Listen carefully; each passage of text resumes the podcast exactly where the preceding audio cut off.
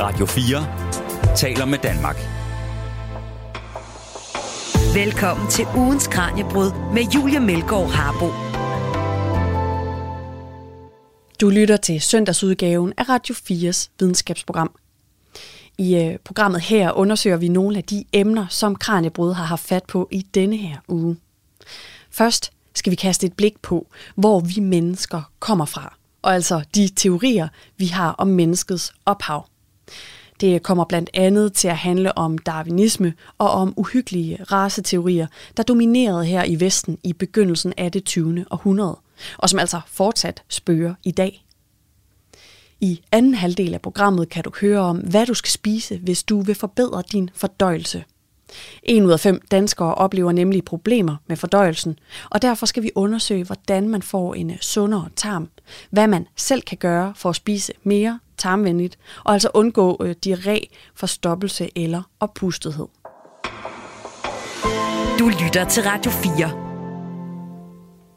Til at begynde med tager vi et kig på menneskets stamtavle. Vores skiftende forestillinger om, hvor og hvem vi egentlig kommer fra. Og engang hed vores forfædre Adam og Eva, men i dag ser familietræet noget mere kompliceret ud. Vi starter ved de videnskabelige gennembrud, som for eksempel darwinismen, og hvordan de leder til nogle af de ubehagelige racistiske skildringer og raceteorier, der altså dominerer historien her i den vestlige del af verden i den første halvdel af 1900-tallet. Og hvor vi altså også kan trække tråde helt op til nutiden, for de her racistiske skildringer kan stadig spores i dag.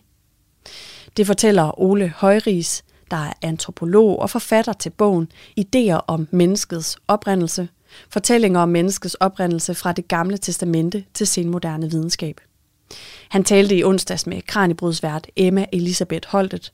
Og det er her, vi starter, ved darwinismen og måden den ændrede på vores opfattelse af, hvor mennesket stammer fra. Og hvordan det så førte til nogle af de raceteorier, som blandt andet nazisterne gjorde brug af under 2. verdenskrig. Man havde jo raceteorier i forvejen på det tidspunkt mm. der. Altså dem der med, at øh, afrikanere og asiater skulle stamme fra en tidligere øh, øh, skabelse, og der var også andre, der havde ment, at de måske var skabt sammen med dyrene, og vi så var skabt på den 6. dag. Så man, man havde den slags ting. Mm. Men det, der kommer sammen med darwinismen, det er jo den der idé om de stærke, der udrytter de svage.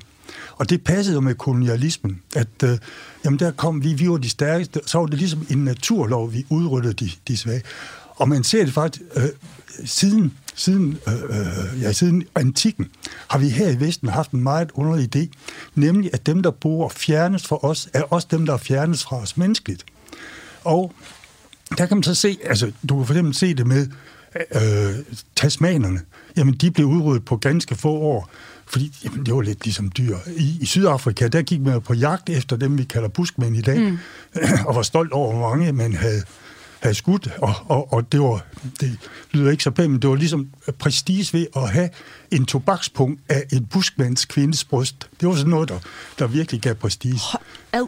Altså, ja, ja. Adder, ja. Det, er jo, det er jo helt men, vildt at høre i dag, ikke? Ja. De var så langt altså betragtet som så langt væk, ja. så ikke bare gik man jagt og skød, men indvendt åd man dem også, så man betragtede dem som aber.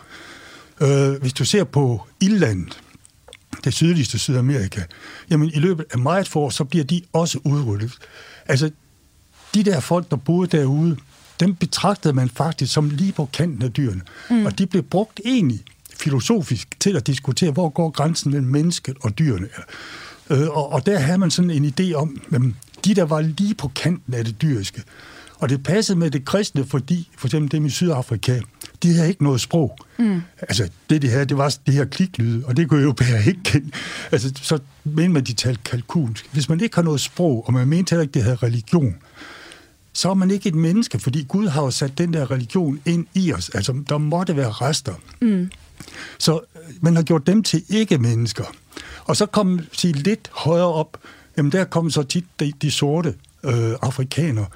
Og, og der kunne man også forene sig med, med kristendommen, fordi øh, øh de tre nordsønner, den ene af dem, ham, det var ham, der gik ind og så faren ligge fuld og nøgen ind og sagde til Arne, kom ind og kom ind og kom ind og se.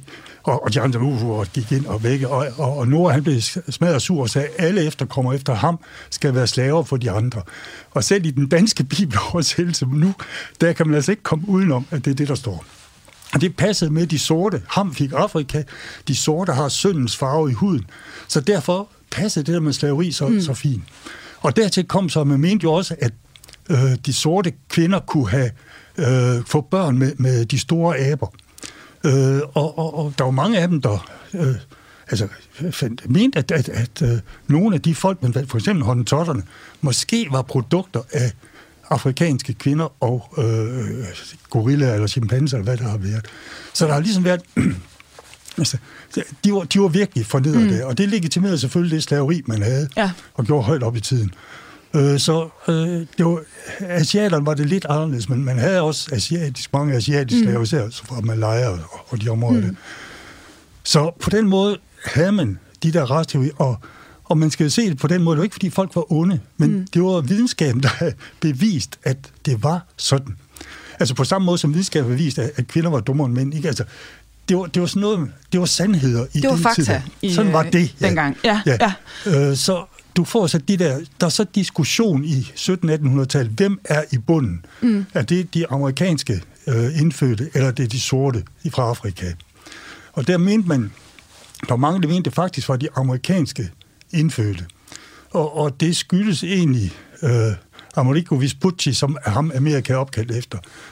Øh, fordi han kunne så fortælle sine beretninger, at, at øh, kvinder, at, at mændene ligesom ikke kunne leve op til kvindernes behov i, i øh, Amerika. Og derfor så øh, havde kvinderne fået fat i et insekt, som bed mandens penis, hvorefter den blev kæmpestor, men brækket af. Så der var virkelig noget for det europæiske, men det var noget fransk filosofi går det lyder sådan, af. Det er jo fuldstændig gak. Altså, yes, ja, men det kan franskmænd, de var helt vilde med. Altså, jeg vil lige sige helt, den kendte filosof, ja, ja.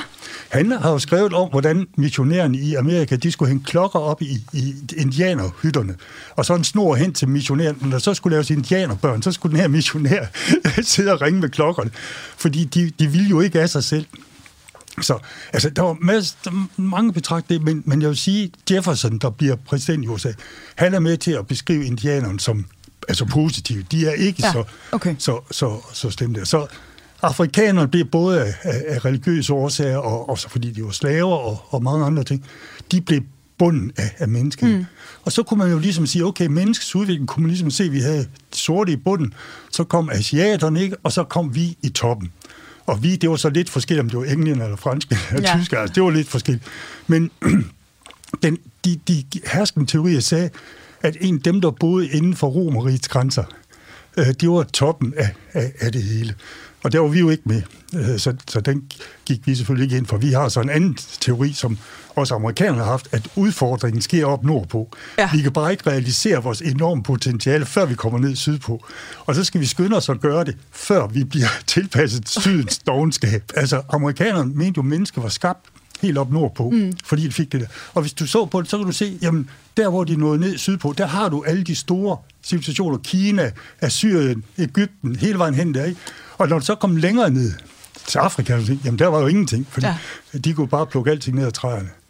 Så alle de her fuldstændig mm. vanvittige øh, historier, som, mm. som vi kan høre, der bliver strikket sammen, de passer jo så ind i det her vestlige selvbillede. Ja. Men hvordan går vi så fra, fra det, hvor vi så trods alt jo øh, i, i mm. Vesten er enige om, når man vi er øverst ja. i den her udviklingshistorie, til så at begå folkemord på andre europæere? Altså, hvor, hvor kommer det spring så ind hen i forhold til raceteorien? Ja, det er sådan noget det, altså, Selvfølgelig skabes der raceteori også. Altså, tyskerne fik jo... altså, det er jo noget af det, der, det er jo det, der er fantastisk, at på ganske få år kan et, et øh, dannet tysk folk få til at, at, at, at masseudrydde øh, medborgere, som, mm. som altså, især jøderne og andre.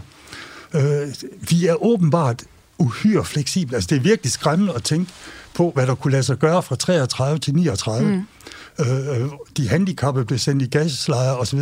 Altså, at det kan gå så hurtigt med et folk, som egentlig, man betragter, har en høj situation. Så altså, jeg mener, det, det er med til at fortælle os, man skal godt nok passe på, for mm. det kan gå hurtigt, hvis det sker.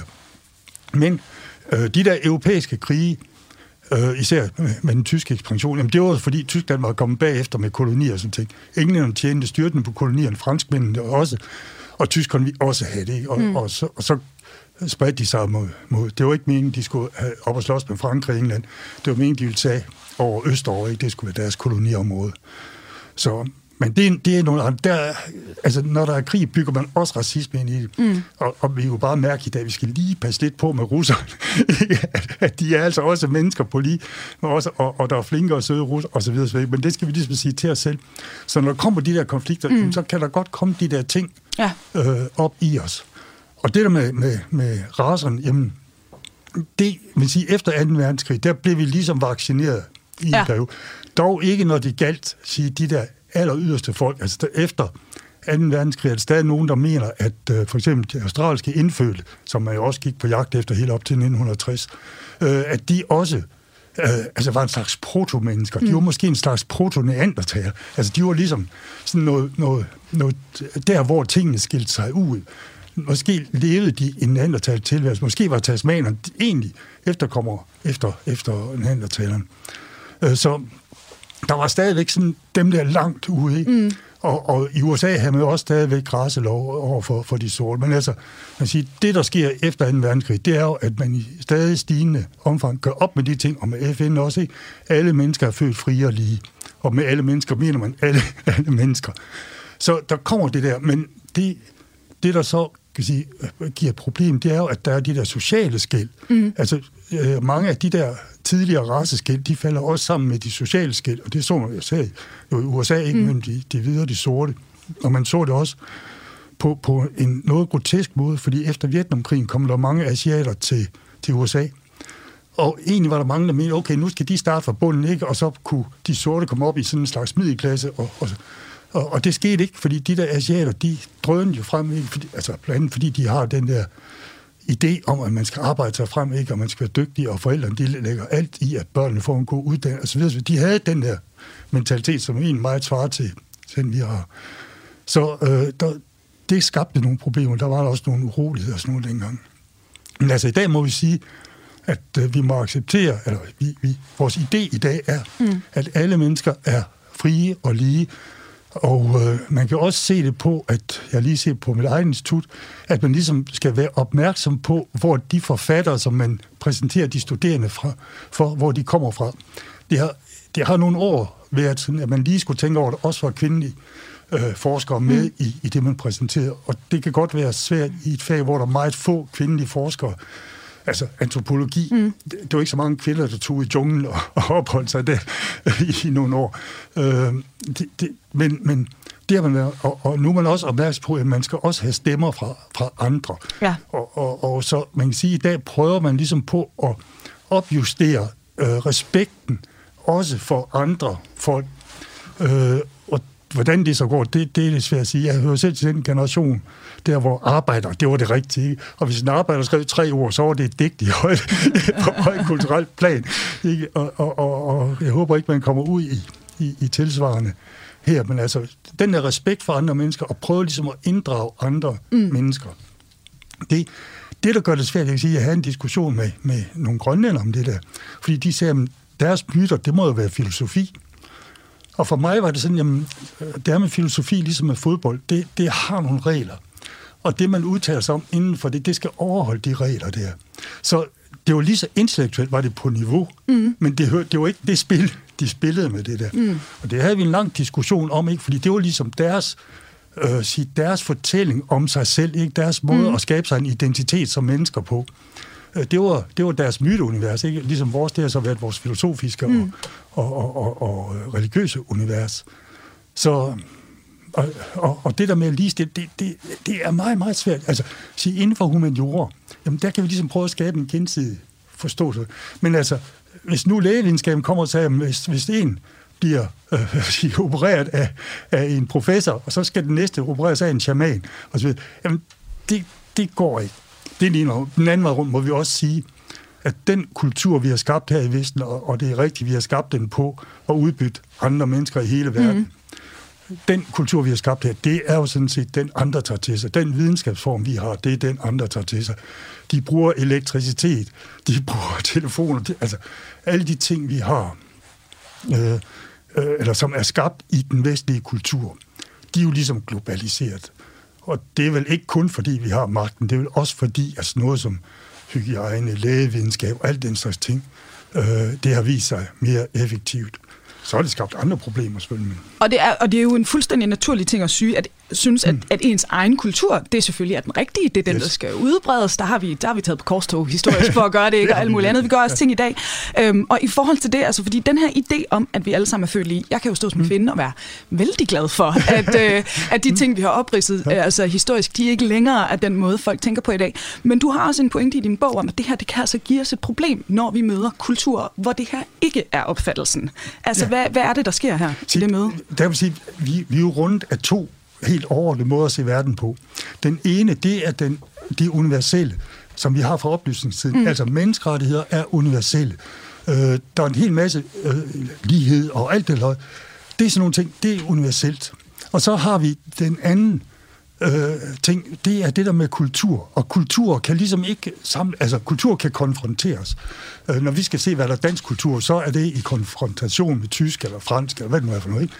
Øh, men der er ikke sådan, man kan sige, et overordnet kulturbegreb, som man kan måle de forskellige kulturer mm. på. Ligesom der er ikke et overordnet sprogbegreb, som man kan måle kvaliteten af de forskellige sprog på.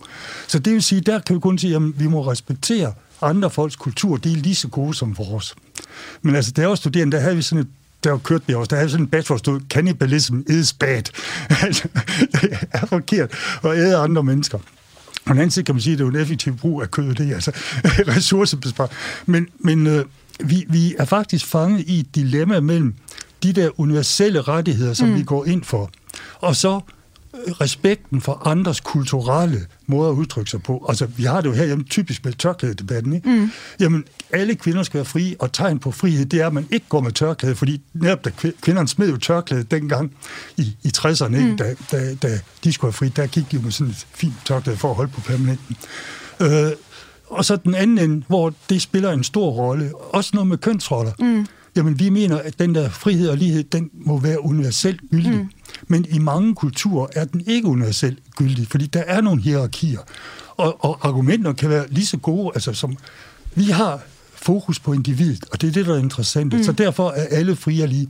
Men øh, mange steder i Asien, der har man fokus på, at familien er det centrale. Mm. Det vil sige, at det enkelte individs interesse må bøje sig under familiens overordnede interesse. Mm.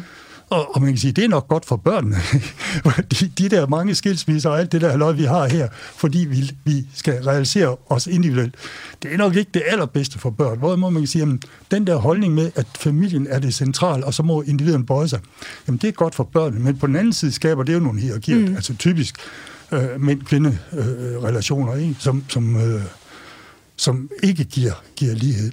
Men så kan man igen vende det rundt og sige, jamen alle de der kvinder, som var hjemmegående husmøder, de var jo opdraget af kvinder, som mente, det var det rigtige. Så altså, i den periode har de kvinder jo følt, at det var den rigtige mm. måde at være på. Så vores hvad vi i dag synes er, er vores meget tolerante menneskesyn, mm. det kan i virkeligheden medføre intolerance over for, for andre kulturer, hvis vi, hvis vi ikke passer på, ikke? Altså, ja. hvis vi ikke er bevidste om det. Jo, men skal vi også acceptere hvad som helst? Ja. altså, der kommer så vores universelle ja. øh, i, i det ind. Ja. Og, og, og det kan jo godt være svært, hvis det er sådan et eller andet, vi synes er altså øh, piercing, øh, vi har vi har jo eksempel omskæring af kvinder. Ja. Der gik alligevel grænsen. Ikke omskæring af drenge, det kan så lade, men omskæring af kvinder, der gik en grænse, ikke, hvor, hvor vi turde sætte ind imod noget, der var dybt kulturelt ja. indlejret i, i øh, for eksempel somaliske kulturer. Så når de her ting, de bliver diskuteret i dag, det er mm. altså simpelthen en diskussion, hvis rødder jo så trækker sig tilbage ja. til, til simpelthen altså, vores, vores idéer om, hvem vi er, hvor vi stammer fra. Altså, det, der er en grund til, at det her det er nogle nogle samtaler, der er svære ja. at, at finde et, øh, et facit på. Ikke? Jamen, vi er jo fanget i modsætning mellem troen på de universelle rettigheder mm. og respekten for kulturelle forskelle. Og der er ikke nogen løsning på det. Altså, det er så vores dilemma. Øh, det er så vores dilemma. Altså, andre folk, de har ikke de, har ikke de der problemer. Men det er jo på grund af den, sige, den udvikling, vi har haft. Ja. Radio 4 taler med Danmark. Lad os lige vende tilbage til øh, det citat af arkeologen, professor Lord Renfrew. Han sagde jo, det billede af fortiden, vi har, er et, vi selv har konstrueret, det ændrer sig hele tiden. Så nu hvor vi har øh, på, på øh, ja, øh, knap 50 minutter prøvet at gå tilbage fra de gamle kristne og så frem til i dag. Ole, tør du spå om, hvad der så bliver de væsentligste punkter i den her foranderlige fortælling om, om vores oprindelse? Altså, hvad tror du, vi umiddelbart kommer til at diskutere fra, fra 2023 og, og i den nærmeste fremtid? Altså, det er jo meget svært at give et bud på. Det kan være hvad som helst. Det, øh, det kan være, at kvinderne overtager magten, og mænd bliver så det, som kvindebevægelsen i sin tid sagde, det er sådan nogen, der fitter rundt ude på, på steppen, ikke? Og, og bare hygger sig med sig selv. Ja. Øh, hvis, altså sådan, det er helt, helt skudtoget. Så er der jo tegn på, at vi er ved at samle os igen om nogle identiteter. Altså, de nationale identiteter er ligesom på vej ind.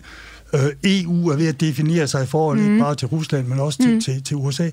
Altså, måske er vi på vej ind i en periode, hvor den der globale tænkning, mm. den er, er ved at blive suppleret med øh, en mere national mm. øh, op.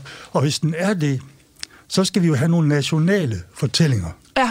Øh, og det vil sige, at vores historie skal ikke længere, altså skal mere være en national historie, end den skal være en del af verdenshistorien. Og så må vi så tilbage til, jamen hvad er så, vi havde jo engang med, med øh, hvad er dansk kultur, som mm. ting. Der, der var sådan nogle ting, der, der, som jo tit var skabt af udlænding. Øh, så skal vi ligesom tilbage til at lave en definition, hvor vi definerer os i forhold til øh, til de andre. Så, så det her med, at før i tiden, så kunne vi sige, at jeg er øh, europæer, øh, jeg er bedre end de andre. Nu skal vi sige, at jeg er dansker, jeg er bedre end de andre. Så er det derfor, vi skal sige, Eller jeg er forskellig fra de andre. Eller jeg er forskellig fra de andre, ja, ja. jeg er noget særligt. Så bliver det frikadeller af dansk. Og, altså, er det lidt, er det, lidt altså, det? Altså? Så mit forslag vil være, at man vender ja. tilbage til 1920 med professor Stensby. Ja. Se, dengang var det jo sådan, at svensker, de har fundet ud af, at de var de rigtige gode og lyshårede. Altså, nordisk race, lyshåret, blå øjne, langskaldet, som det hed. Og øh, der blev professor Stensby sat til at bevise, det er jo vi danskere i hvert fald også, altså alt går ud på at bevise. Alt dansk kommunistisk forskning har i hvert fald gået ud på at vise, at vi ikke tyskere. det er ligesom Nå, han skulle så vise, at vi også hørte til den der nordiske. Øh, og han undersøgte så selv, at det, altså, vi var mørkhårede, mm. og der var ikke alle blå øjne, og der var ikke lyst, og alt det der. Og så fandt han ud af, at vi faktisk var neandertalere. Vi var de sande neandertalere, de sande efter, og neandertalerne var blevet stærkt bagtalt, men i virkeligheden var det det mest smukke, intelligente, fantastiske væsen nogensinde. Og så var vi blevet forurenet sydfra. Og hvor var vi mindst forurenet? Det var vi på Anholdt. så vi skal alle sammen blive ligesom dem på Anholdt. Og så...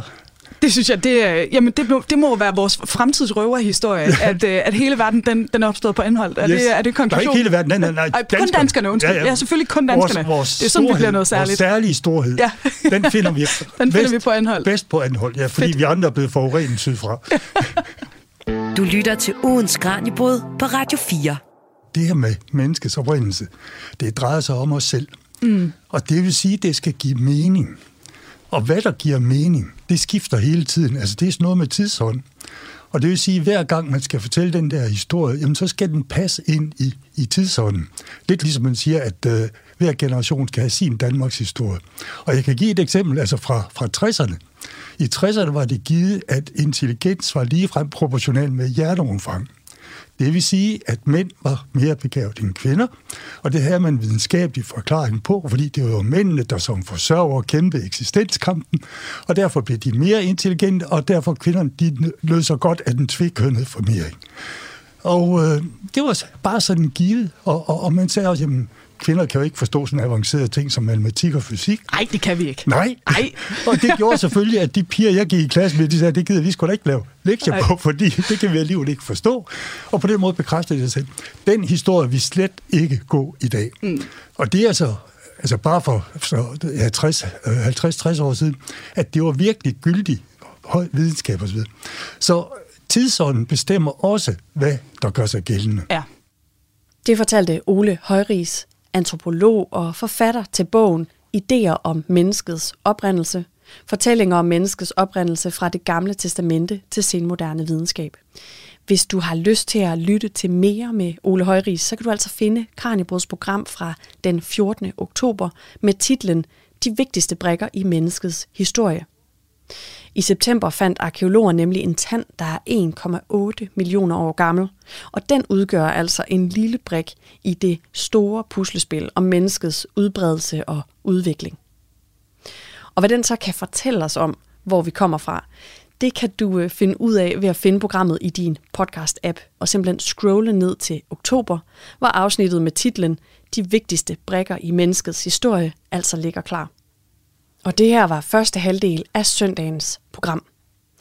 I anden halvdel af dagens udsendelse kommer der til at handle om tarmvenlig mad, og hvad man med fordel kan spise eller gøre, hvis man lider af oppustethed, diarré eller forstoppelse. Men først holder vi en kort pause, for nu er det blevet tid til et nyhedsoverblik. Radio 4 taler med Danmark. Velkommen til ugens Kranjebrud med Julia Melgaard Harbo. Du lytter til søndagsudgaven af Radio 4's videnskabsprogram Kranjebrud. Og her dykker vi ned i nogle af de emner, som Kranjebrud har taget fat på i denne her uge. Det næste, vi øh, kaster et blik på, er tarmen og tarmvenlig kost. For det kan godt være en øh, jungle at finde rundt i alle de kostanbefalinger og forskellige diæter, der anbefaler vidt forskellige ting. Og der er ret mange, der bøvler med maven, og altså enten øh, oplever oppustethed, diarré eller forstoppelse. Faktisk er det en ud af fem, der har problemer med fordøjelsen. Kranjebruds Peter Løde talte i torsdags med Tine Jørgensen, der er kantscient i klinisk ernæring, og så er hun ernærings- og sundhedsrådgiver og forfatter til bogen Fix din fordøjelse. Vi lægger ud med en hurtig tur gennem fordøjelsessystemet, og det starter i munden, som Tine forklarer her. Du skal ligesom først kunne øh, give din, dit fordøjelsessystem adgang til at kunne nedbryde de her øh, celler, der er i guleroden. Så du er nødt til først at rent praktisk mastikere den, altså simpelthen tykke den godt og grundigt. Hvis du bare suger sådan en helt stykke gulerod, så er det meget sandsynligt, at hverken dine tarmbakterier eller dine fordøjelsesenzymer kan komme i nærheden af de celler, der er i, i guleroden. Så du er nødt til ligesom at få det tykket, og så er du også nødt til at kunne synke det. Og hvis du ikke har noget spyt, så kan du ikke rigtigt synke det mad, du spiser. Det er i hvert fald ret svært, ret tørt. Så det er altså en kombination af det her med den mekaniske nedbrydning, og så øh, spyttet, der ligesom gør, at nu er vi klar til det første step. Der er også lidt enzymer i spyttet, men det er kun til nogle helt bestemt, kun til stivelse, så det er til nogle bestemte næringsstoffer. Øhm, der er rigtig mange næringsstoffer, hvor det eneste, der sker i munden, det er, at de bliver findelt ikke? med at tykke det. Ja, for tændernes funktion i munden kan jeg ligesom tænke mig til, den hakker maden i, i, i stykker, når vi, når vi tykker. Men, men hvilken betydning har spyttet i den her proces?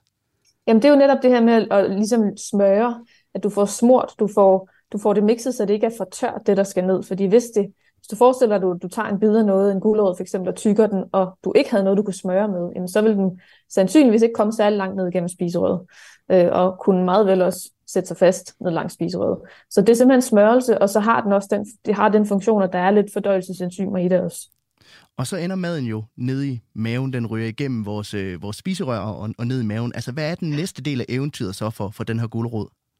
Jamen altså, man kan sige, hvis, hvis vi havde haft lidt protein med, der er jo ikke meget protein i en gulerod. Der er jo primært kostfibre, så er der lidt kulhydrater i, lidt stivelse i, ikke? Men, men hvis der nu havde været noget protein i, så havde, vi har jo sådan en, jeg kalder det den, den sure kemiske blender nede i mavesækken, fordi der er jo en ret lav pH-værdi dernede, det er meget syrligt.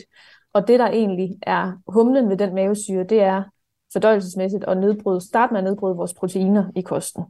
Øhm, og igen, det er der ikke så meget af en gulerod, så den bliver egentlig mere bare skulpet endnu mere rundt dernede, bliver blandet med lidt mavesyre, øhm, men er egentlig klar til at komme videre til næste skridt derfra. Hvis man så spiser mad, hvor der er mere protein i end, end en gulerod, for, ja. for nu at gå lidt væk fra det eksempel, altså hvor lang tid tager det så for det her protein at blive nedbrudt i, i maven? Jamen, den starter ligesom, det starter med at blive det, man kalder denatureret. Det er sådan et, et, øh, fagligt ord for, at det er ligesom første skridt af proteinfordøjelsen der i mavesækken. Den er ikke færdig endnu. Den bliver først færdig nede i tyndtarmen. Men vi starter ligesom med at kunne, kunne gøre den klar til at kunne komme videre til tyndtarmen. Så lad os sige, at du spiser et stykke kylling, og du har tykket det grundigt i munden, og du synker det, og det kommer ned i mavesyren. Jamen, så starter første skridt til at gøre det klar til at komme videre ned i tyndtarmen, øhm, hvor der er nogle forskellige fordøjelsesenzymer, der er noget, der skal tage sig af det. Og så samtidig med, at mavesækken det er en meget, meget øh, en ret stærk muskel, så den får også skvulpet de her ting endnu mere godt og grundigt sammen og får lavet det til en mere grødet øh, masse, der kan komme videre.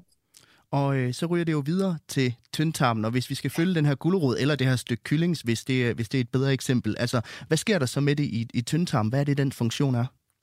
Jamen, tyndtarmen er lidt ligesom sådan en, øh, en, øh, en findelende svamp. Altså den, den, øh, den fordøjer endnu mere, og så er det også her, vi faktisk suger alle de næringsstoffer, vi kan, og dem vi skal bruge til os. Så nede i tyndtarmen vil vi gå i gang med at og, øh, findele endnu mere, men vi vil også have de her små sakse, som jeg bare kalder fordøjelsesenzymer. Altså det er simpelthen nogle små ja, små sakse, der skal klippe maden endnu mere over, sådan at den her svamp, vi har i tyndtarmen, den kan få de her næringsstoffer hen over tarmslimhinden. Fordi hvis de ikke kan komme henover, så er der ikke nogen næringsstoffer til resten af kroppen. Øhm, så det er egentlig her, det meste af den slags magi foregår, det er i tyndtarmen. Så alt, hvad der kan findeles, alt, hvad vi har små sakse til at klippe over, og alt, hvad vi kan suge til os af næring, det gør vi her. Og det her mad og væske, der optages af, af, af den her svamp, altså hvor, hvor forsvinder det så hen? Jamen, så har vi jo øh, en, et utal af andre celler i hele kroppen, der skal bruge det. Så det ryger ud i blodbanen, og noget af det ryger ud i lymfen, og så kommer det jo blive transporteret rundt til øh, alle de andre respektive steder, der skal bruge det i kroppen. Så der skal jo også bruges nogle, noget D-vitaminer, der skal bruges noget glukose, og der skal bruges nogle proteiner forskellige andre steder i kroppen. Ikke? Øhm, og det ryger rundt med blodet og med, med lymfen. Og øh, så når guleroden eller kyllingen jo så videre til tyktarmen, og det er jo bakteriernes territorie. Er det ikke rigtigt? Det er nemlig hovedstaden for tarmfloren. Ja, og hvad er det, der, der sker der? Hvad gør de der bakterier? Jamen der skal man ligesom forestille sig, at der har vi alt, hvad vi ikke kunne optage i tyndtarmen. Alt det, som kroppen har, og tyndtarmen har tænkt, jamen nu har jeg ligesom suget ud af næring, hvad jeg kan. Jeg kan ikke gøre noget ved resten, for jeg har ikke små sakser, der passer til de her ting, eller der er noget overskydende, så det sender jeg videre ned i bakteriereservoiret der, som er tyktarmen, og så går de her bakterier ellers i gang med at kigge på det. Øh, og de kigger ikke kun på det, de går også i gang med at gnave på det. Så de får simpelthen resten af det næring, vi ikke kunne gøre noget ved. Så det er sådan en meget øh, klog synergieffekt, der faktisk er mellem de her bakterier og os, og resterne af det mad, vi ikke selv kunne gøre noget ved, som de begynder at guffe på. Og så laver de forskellige stoffer til os ud fra det, og de laver selvfølgelig også en masse gas. Det kan blive et problem i andre sammenhænge, men, men, men det, de, det, der egentlig er deres hovedfunktion, det er at øh, spise de her leftovers, de her rester fra os, og så danne nogle andre stoffer, som både de får gavn af, men som vi i den grad også får gavn af. Og hvad kan det være for nogle ting, der bliver, der bliver sendt videre som rester, som, som de her bakterier så skal fordøje? Hovedsageligt sådan noget som fibre, kostfibre. Fordi vi mennesker, vi laver ikke de her fordøjelsesenzymer, der kan nedbryde dem. Vi har simpelthen ikke sakse, der passer til fibre. Og dem har bakterier masser af. Så det er deres øh, primære næring. Og det er jo derfor, man snakker så meget om, at hvis vi skal fodre vores gavnlige tarmbakterier, så skal vi spise en masse fiber, fordi det er deres næring, og det er det, de skal leve af, det er det, de skal formere sig af. Så det er primært fiber, men de kan også fermentere og spise alt muligt andet. Så hvis du nu forestiller at du har en, en, en person, som spiser meget mere protein for eksempel, end vedkommende egentlig kan optage i tyndtarmen. Øh, når du ligesom har mættet dit, din svamp med proteiner, så ryger det faktisk også videre i, i, i systemet, ned til tyktarmen og ned til de her bakterier. Så begynder de også at og, og prøve at spise det. Og så, så de kan spise lidt af hvert. Og så kommer det jo hele videre til endestationen, nemlig i endetarmen. Altså, og her ligger det så bare og venter på at, at, at komme ud, eller hvad? Ja, det kan du sige. Altså, der er også lidt vandregulering i, ty- i tyktarmen. Altså, der er noget væske, der lige skal kontrolleres. Hvor meget væske skal der være i afføringen? Hvor meget skal vi have tilbage igen i kroppen? Øhm, for dels at afføringen kan komme ud, men også så vores væskeindhold i kroppen bliver vedligeholdt. Øhm, og så kan man sige, det er jo ligesom en, en, en ventestation, ja, det kan du kalde det, øh, fordi der sker ikke, altså der skulle hele fordøjelsesprocessen ligesom gerne være primært overstået i hvert fald. Så, øh, så der, øh, der vil den primært ja vente på, at øh, toiletkummen er klar til at, at modtage. og hvad så, når den er kommet ud? Altså, kan man lære noget af om sin fordøjelse ved at kigge i toilettet efterfølgende? Jamen, helt sikkert. Altså, mit motto er jo nærmest, kig dig lige øh, over skulderen, eller ned i, ned i toiletkummen, når du har været på toilettet.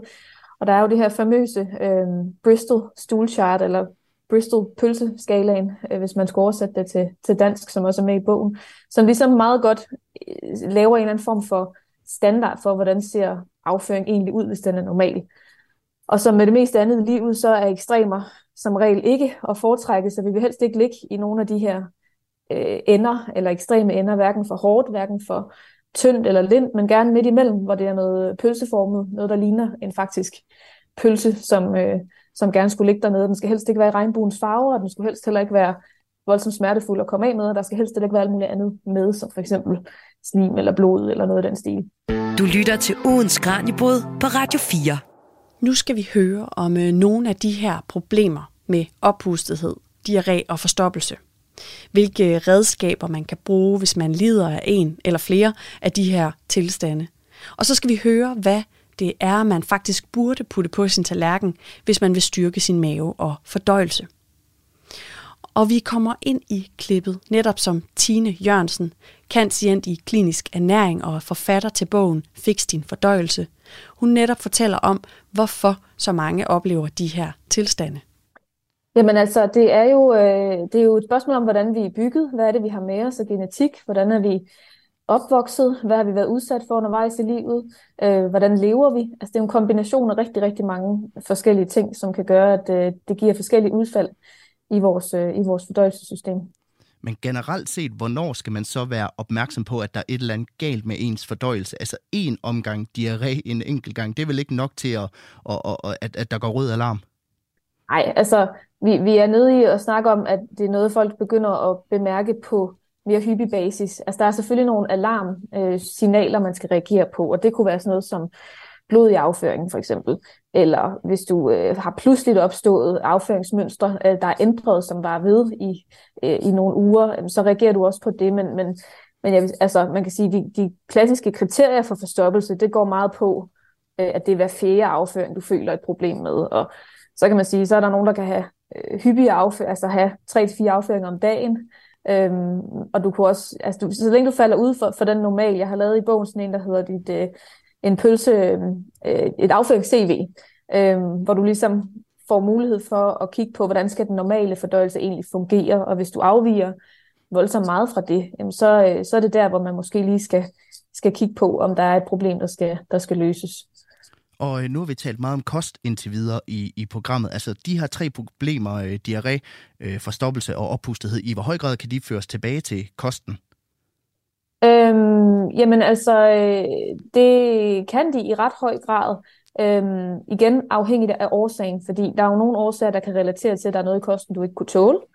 Øhm, der er også noget, der kan relatere til en tilstand, der forværres ved nogle ting i kosten, men som ikke er skabt af kosten. Så det behøver ikke at være kost skabt. Altså det behøver ikke at være et problem, der er skabt ud fra den kost, du spiser, men den kan godt forværres ud fra den kost, du spiser. Øhm, så jeg vil sige, i en ret stor grad, så har de noget relation til vores kost, og det vil jo også være underligt andet, fordi det er det organ, der er ret øh, intimt med den mad, vi spiser. Den er sådan set i meget, meget, meget tæt kontakt med den hele vejen ned, så det vil være underligt, hvis, den ikke, hvis ikke det er relateret eller ikke påvirket de her øh, problemer på den ene eller den anden måde. Og øh, lad os prøve at se lidt nærmere på diarré til at, at starte med. Altså, hvad er mm. nogle af de hyppigste årsager, som, som du ser øh, til diarré hos, hos dine klienter? Øhm, jamen altså, øh, det kunne være sådan noget som en fødevareintolerance, altså ikke nødvendigvis en allergi. Øh, det kunne også godt være en fødevareallergi, men en intolerance, som egentlig er en lidt anden form for overfølsomhed end en allergi. Øhm, det kunne for eksempel være mod laktose, som er mælkesukker, det kunne være mod fruktose, som er frugtsukker, og det kunne også være andre forskellige komponenter i fødevarer, der simpelthen øh, ikke omsættes særlig godt i folks tarm. Enten fordi man spiser store mængder af det, eller fordi man har en udfordring dernede, som gør, at det ikke nedbrydes ordentligt. Øhm, det kunne også være sådan noget som en bakteriel overvækst, altså simpelthen en bakteriel forstyrrelse i tarmen og i tyndtarmen. Og det er jo den del, hvor vi snakkede om før, det der svampen, den skal suge alt det her næring, og, det, og, og næringen skal findeles, inden den her svamp kan suge næringen. Og hvis der er en masse bakterier der, der forstyrrer det arbejde, jamen så får vi en masse problemer, når vi sender mad derned. Fordi så ophobes der gas og vand og forskellige andre ting, som skaber nogle af de her problemer. Det kan også være sådan noget som cøliaki, der er glutenallergi eller glutenoverfølsomhed, som jo også er et decideret, øh, øh, hvad skal man sige, det er en, en, en sygdom, der rent genetisk øh, får dig til at reagere mod et fødevarekomponent. Så igen der har det jo rigtig meget med vores øh, fødevare at gøre også. Ja, det varierer, øh, kan jeg høre, enormt fra, fra den enkelte person til den enkelte person. Altså, hvordan fastslår man den præcise årsag til, til diarréen? Jamen, der er selvfølgelig nogle undersøgelser, man kan råde klienten til, eller råde personen til at, øh, og, øh, at få foretaget, alt, alt efter hvad det er for nogle symptomer, der ligesom bliver beskrevet. Og man kan sige, at diarré er jo en ting, men der kan også følge andre symptomer med. Det kan være, hvordan ser den ud? Er den grønlig, eller er den gullig? Jamen, så er det måske, fordi der er noget med et galleproblem. Øhm, at den kommer den altid i forbindelse med, at du lige har spist, jamen, så kan det være, at der er et eller andet øh, netop allergisk, vi skal kigge på, eller intolerancemæssigt, vi skal kigge på. Så, så det er helt klart øh, noget med også at sende dem til lægen, hvis de ikke allerede har været det, øh, med en liste af øh, mulige øh, undersøgelser eller ting, de skal drøfte med, med, med lægen, hvis ikke de allerede, som sagt, har fået det, har fået det gjort, fordi jeg vil sige, der, der er diagnostik en rigtig vigtig del, for at vi får fundet den rigtige årsag og kan arbejde med det. Og når I så har fundet ud af den rigtige årsag og fået øh, øh, og klient er blevet diagnostiseret, altså hvad er det så for nogle værktøjer, som, som du giver dem med? Det svinger vel også enormt meget fra person til person? Det gør det nemlig, og det, det gør det, fordi at årsagerne de jo kræver hver deres løsning mange gange. Men man kan sige bredt set, hvis vi snakker sådan noget som diarré, så er der altså, så er der nogle grove træk i øh, kosten og livsstil, man kan gå ind og lave fælles. Og det er også derfor, at det kan lykkes at lave sådan en bog, hvor man jo går ind og laver mange af de her træk fælles i forhold til maden i hvert fald. Fordi der er nogle ting, som, som, man kunne, som, de har, som uanset hvordan de rent opstår, så har man det til fælles. Og det kunne for eksempel være, at det er svært at fordøje rå grøntsager, eller rå ting, ting, der kræver rigtig meget forarbejdning i tarmen. Det har man som regel svært ved, uanset hvilken årsag til diarré du måtte have. Øhm, så derfor kan man godt lave en kost og skræddersy en kost på baggrund af, at der er nogle fælles træk på den måde, der, der går igen. Du lytter til ugens Kranjebrud på Radio 4. Hvad skyldes øh, forstoppelse oftest? Jamen, øhm, der kan være øh, et utal af årsager til forstoppelse, men, øhm, men noget af det, jeg ser rigtig hyppigt, eller nogle af de klassiske ting, og som folk nok også er klar over, som jeg også øhm, jeg tager dem med i bogen, men jeg viser også, at der er 100 andre mulige årsager til forstoppelse, end bare, at du ikke bevæger dig nok, eller du ikke spiser nok kostfiber, eller du ikke drikker nok væske. Men det er klart nogle af de store årsager til, mulige årsager til forstoppelse. Øhm, der er også andre mulige årsager. Det kan også skyldes noget bakterielt ubalance i din tarm. Det kan også for nogen være sådan noget som stress, og stress er jo en anden folkesygdom, ligesom fordøjelsesproblemer efterhånden er det. Øhm, og der er rigtig mange, der ikke er helt klar over den her forbindelse mellem vores nervesystem og hvad det faktisk gør ved vores tarmbevægelser, som bliver lidt lammet af det. Så jeg ser faktisk også stress være en stor, øh, hyppig årsag til forstoppelse. Men hvem er det typisk, der bliver ramt af, af forstoppelse? Det er noget med, at der ikke ligefrem er ligestilling i forstoppelsens verden, er det ikke rigtigt? Det er der ikke. Det er, at det er mere kvinder, end det er mænd. Det er, er os, der må, der må tage det lod også. Øhm, Og, øhm, og, og det, det kan skyldes forskellige ting. Dels så kan det skyldes noget hormonelt, fordi vi ved også, at vores øh, kvindelige kønshormoner de har en påvirkning på vores mavetarmkanal og faktisk også på de her tarmbevægelser. Vi ved for eksempel, at det kvindelige kønshormon, der hedder progesteron, det højst sandsynligt kan være med til at, sl- at, at sløve nogle af de her tarmkramper, som ligesom skal sende maden videre. Øh, og det fluktuerer jo i løbet af sådan en menstruationscyklus eller en, en kvindelig hormoncyklus. Øhm, og dermed kan nogle kvinder faktisk føle sig mere forstoppet på nogle tidspunkter af måneden end på andre tidspunkter af måneden. Øhm, så ved vi også, at kvinder faktisk har flere kurver end mænd i deres tarme ofte, og vi har også ofte længere øh, tarme, øh, og særligt længere tyktarm, som gør, at rejsen bliver længere fra mund til bund, og den kan tage lidt længere tid at komme igennem også. Men hvordan ved man så, om man har forstoppelse? Altså, hvordan opleves det ude på, ude på kummen, så at sige? Og, og hvad er det, man ser nede i den øh, efterfølgende?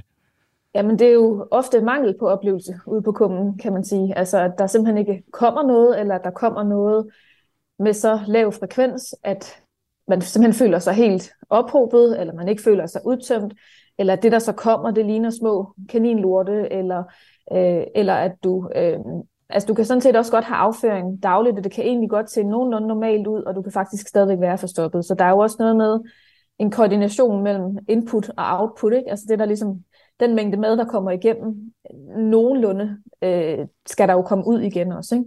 Så, så øh, der er jo nogle officielle kriterier for forstoppelse, og det går, det går meget på at være færre afføring. Øh, så hvis du for eksempel har afføring færre end tre gange om ugen, eller du vil være fjerde afføring, ikke føler dig udtømt, eller at du ved hver fjerde afføring har meget hård tre afføring. Og, men jeg vil sige, selvom at de officielle kriterier er ved hver fjerde afføring, så oplever jeg tit, at folk har det aller, allerbedst, når de kommer på toilettet dagligt, mindst en gang.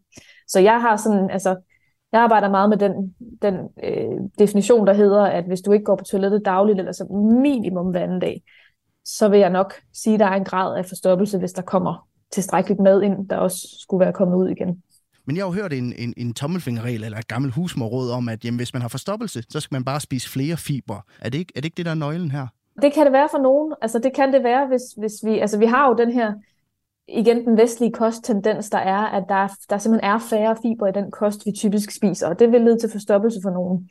Men der er faktisk også nogen, der oplever at få det værre, når de spiser flere fiber. At det faktisk forværrer deres forstoppelse. Så det er ikke altid bare løsningen. For nogen kan det være, at de simpelthen ikke får drukket nok væske sammen med de her fiber, fordi fiber virker ikke, hvis du ikke også drikker væske til. Øhm, fordi de, grund til, at de virker blandt andet er, er, fordi de kan hive væske ind i afføringen. Men det er langt fra altid den løsning, der er. Nogle gange kan den faktisk forværre, øh, forværre situationen også for nogen. Men det er jo også noget med, at der er en sammenhæng mellem forstoppelse og så eksem og inflammationer i huden. Er det ikke rigtigt? Jo, jeg har en, øh, en, en case med i bogen også faktisk omkring det. Øhm, ligesom man kan sige, der er en sammenhæng med vores tarm og rigtig, rigtig mange andre forskellige øh, organsystemer i kroppen, så kan der være det mellem vores hud og vores tarm. Og det er jo simpelthen fordi, at vores tarm er bærer af en meget, meget stor del af kroppens immunforsvar. Og øh, lige præcis sådan noget som eksem er jo en slags overreaktion, eller en skæv, en ubalance fra vores immunforsvar, der giver sig til udtryk i huden. Øhm, og det sker ved, at der i tarmen bliver opsamlet nogle signaler fra immunforsvaret, som faktisk virker systemisk, det vil sige, de virker også rundt i hele, eller de sender signaler til resten af kroppen. Og hvis det så koder for at sende nogle signaler til huden, jamen, så har vi lige pludselig måske et problem med eksem der. Så på den måde kan det hænge sammen. Og lad os prøve at vende tilbage til det her med værktøjskassen. Altså, hvilke værktøjer giver du dine klienter med, øh, som, som lider forstoppelse med på vejen, øh, når de har været inde hos dig? Jamen, der skal vi øh, igen tilbage til trin 1, som er, hvad er det for en årsag, der er. Øhm, og hvis vi finder ud af, at den årsag, den for eksempel er øh, en bakteriel ubalance i tarmen, at der simpelthen er øh, en, en bakterieudfordring. Det kan være, at folk har været rigtig meget på antibiotika, som gør, at vi skal have, vi skal have sat skub og fod i den her gavnlige tarmflora igen, for at bakterie, øh, bakterierne de kan hjælpe med de her tarmbevægelser. Jamen, så er det jo forskellige værktøjer, jeg giver dem til det, rent kostmæssigt. Øh, det kunne være, at de langsomt skulle træne deres tarmflora op ved at gå langsomt frem med at øge deres fiberindtag, fordi tarmen kan også godt få et chok, hvis du går fra 0 til, til 100 med dit fiberindtag på meget kort tid. Så det kan være et, et værktøj til at gradvist at trappe op i det, hvad er det for nogle fødevarer, du måske vil reagere mindre på der end andre. Det kan være, der er nogle fiber, kosttilskud, øh, som kunne gavne dig. Det kan være, der er nogle komponenter, sådan noget som bitterstoffer i kosten for eksempel, som kan hjælpe med at stimulere de her tarmkramper. Det ved vi, at der er nogle typer af stoffer, der kan. For eksempel det, der findes i ingefær, kan hjælpe med at sætte gang i nogle af de her tarmbevægelser. Så værktøjskassen ser ret forskellig ud, afhængig af, hvad det er for en årsag, vi kommer frem til. Der er jo noget med, at der er en sammenhæng mellem hormoner og så oppustethed igen. Er, er det ikke rigtigt? Jo, og den relaterer også meget til de her, lige præcis den problematik, som jeg snakkede om før med, med forstoppelse, det er faktisk lidt det samme, der sker. Og jeg vil sige, når der er øh, sammenhæng mellem hormoner og oppustethed, så er, det, så er det også typisk i forbindelse med noget forstoppelse. Det behøver ikke være det, men det ser jeg rigtig tit. Øhm, og oppustethed kan jo også godt komme af selve forstoppelsen, der ligger derinde og simpelthen fylder og gør os oppustet. Øhm, og det er igen, fordi de her kvindelige kønshormoner, de har simpelthen så stor påvirkning på vores mavetarmkanal og på vores tarmslimhinde, at de bestemmer, eller de påvirker tarmen i en bestemt retning, og de kan også godt få den til at gå langsommere, som sagt, så nogle af bakterierne de får mere gæringsmulighed, og så har vi lige pludselig en større luftproduktion, og så har vi altså sådan en bagermave, der, øh, der bobler der ud af og puster sig op. Hvis du så går tilbage på din rejse og ser, hvad er egentlig min årsag til oppustethed, og du finder ud af, at jeg er jo også forstoppet, så vil det være en meget, meget sandsynlig, op, øh, sandsynlig årsag til din oppustethed. Og så handler det om at gå i gang med at behandle forstoppelsen for også at komme af med oppustetheden. Du kan godt have en oppustethed, der ikke har med forstoppelse at gøre. Og så er du nødt til at kigge, kigge på den rejse på en anden måde. Øhm, og der kan også godt være nogle fødevaremæssige ting, eller nogle, nogle livsstilsmæssige ting, som folk reagerer på, som er de simple årsager til deres oppustethed. Øhm, det kunne for eksempel være, at man stress spiser, fordi så sluger du en masse luft med, som jo også kommer til at ligge i tarmene. Det kunne også være, at du nærmest kun drikker dansk vand med en masse kulsyre i, hvor det jo ligesom er gasser, du får ind i tarmen på den måde, og som også kan fylde. Det kan være, at du har hang til at spise rigtig mange øh, kunstige sødestoffer, der kan ligge ned i tarmen og, øh, og fermentere og gære, sådan at den også puster sig op, fordi det danner en masse gas. Der er forskellige ting, du ligesom kunne være lidt overfølsom for i kosten, eller bare få indtaget øh, for meget af. Hvor, hvor, hvor tæt en sammenhæng er der mellem at have luft i maven og så være oppustet? Er det det samme? Ja, nej, det er ikke helt det samme, fordi oppustethed er faktisk en følelse. Det er følelsen af, at du føler et tryk indenfra. Udspillet mave, det er det, du kan se. Det er, når du ligesom kan se ballonmaven. Og luft i maven, ja, det er jo, når du så kan mærke, at det enten bobler derinde, eller der er nogle brutter, der skal ud. Øhm, men du kan egentlig godt være oppustet, uden nødvendigvis at mærke særlig meget luft. Det kan være, fordi luften ikke kan passere. Det kan være, at der sidder noget forstoppelse derinde, hvor luften simpelthen får svært ved at komme igennem tarmen og komme ud. Det kan også godt være, at det ikke er luft, der giver dig din oppustethed, men måske er væske, øh, i stedet for, fordi hvis der er noget inflammation eller irritation i tarmslimhinden, så kan det godt ophobe lidt væske også, og det fylder også i tarmen. Mange vil også have den her udspilende mave igen, fordi der står storstags afføring derinde, ikke? hvis man er forstoppet, og så bliver oppustet på den baggrund. Det var Tine Jørgensen, kansident i klinisk ernæring, ernærings- og sundhedsrådgiver og forfatter til bogen Fix din fordøjelse. Og det var altså det sidste, vi når i dag, men øh, du kan lytte til Kranjebrud her på kanalen igen i morgen eller alle hverdage kl. 12.10. Og hvis du alligevel har appetit på mere Kranjebrud, så kan du også altid finde alle de øh, gamle programmer på Radio 4's hjemmeside eller øh, i din foretrukne podcast-app. Så hvis du for eksempel er nysgerrig på at lære mere om tarmsystemet, så kan du lytte til programmet Prutter er mere end bare varm luft, der blev sendt den 18. november. Her talte Peter Løde nemlig med Christian Lodberg Vass, der er overlæge på afdeling for lever, mave og tarmsygdomme på Aarhus Universitetshospital. Og i programmet kan du altså blandt andet høre om, hvorfor prutter afslører mere om vores sundhed, end man øh, umiddelbart skulle tro. De kan nemlig være en indikator for alt fra irritabel tyktarm til tarmkræft. Og det kan du altså lytte til, enten på Radio 4's hjemmeside eller i din podcast-app. Hvis du sidder derude og har en idé til et emne, som du synes, at Kranjebrud burde dykke ned i, så kan du også altid sende os en besked på kranjebrud-radio4.dk. Jeg hedder Julie Melgaard Harbo, og programmet her er produceret af Videnslyd for Radio 4. Tak fordi du lyttede med.